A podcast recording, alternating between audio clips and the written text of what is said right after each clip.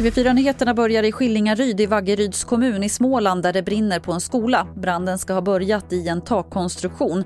Alla barn och all personal ska vara evakuerade och ingen ska ha kommit till skada. För en stund sen hölls en presskonferens om Sveriges vaccinstrategi mot covid-19. Och det är tre samhällsgrupper som ska skyddas först. Vi hör socialminister Lena Hallengren.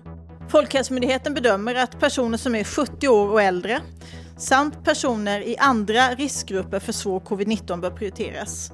Även personal i vård och omsorg som arbetar nära äldre och andra riskgrupper är prioriterade. Och mer om det här finns på tv4play.se. Och vi avslutar i Danmark där 16 personer har fått böter hittills för att de åkt buss eller tåg utan munskydd. Sen den 22 augusti måste man ha munskydd i kollektivtrafiken och de som trotsar kravet avvisas och om de vägrar gå av riskerar de böter på 2 500 danska kronor. Det var det senaste från TV4 Nyheterna. Jag heter Lotta Wall.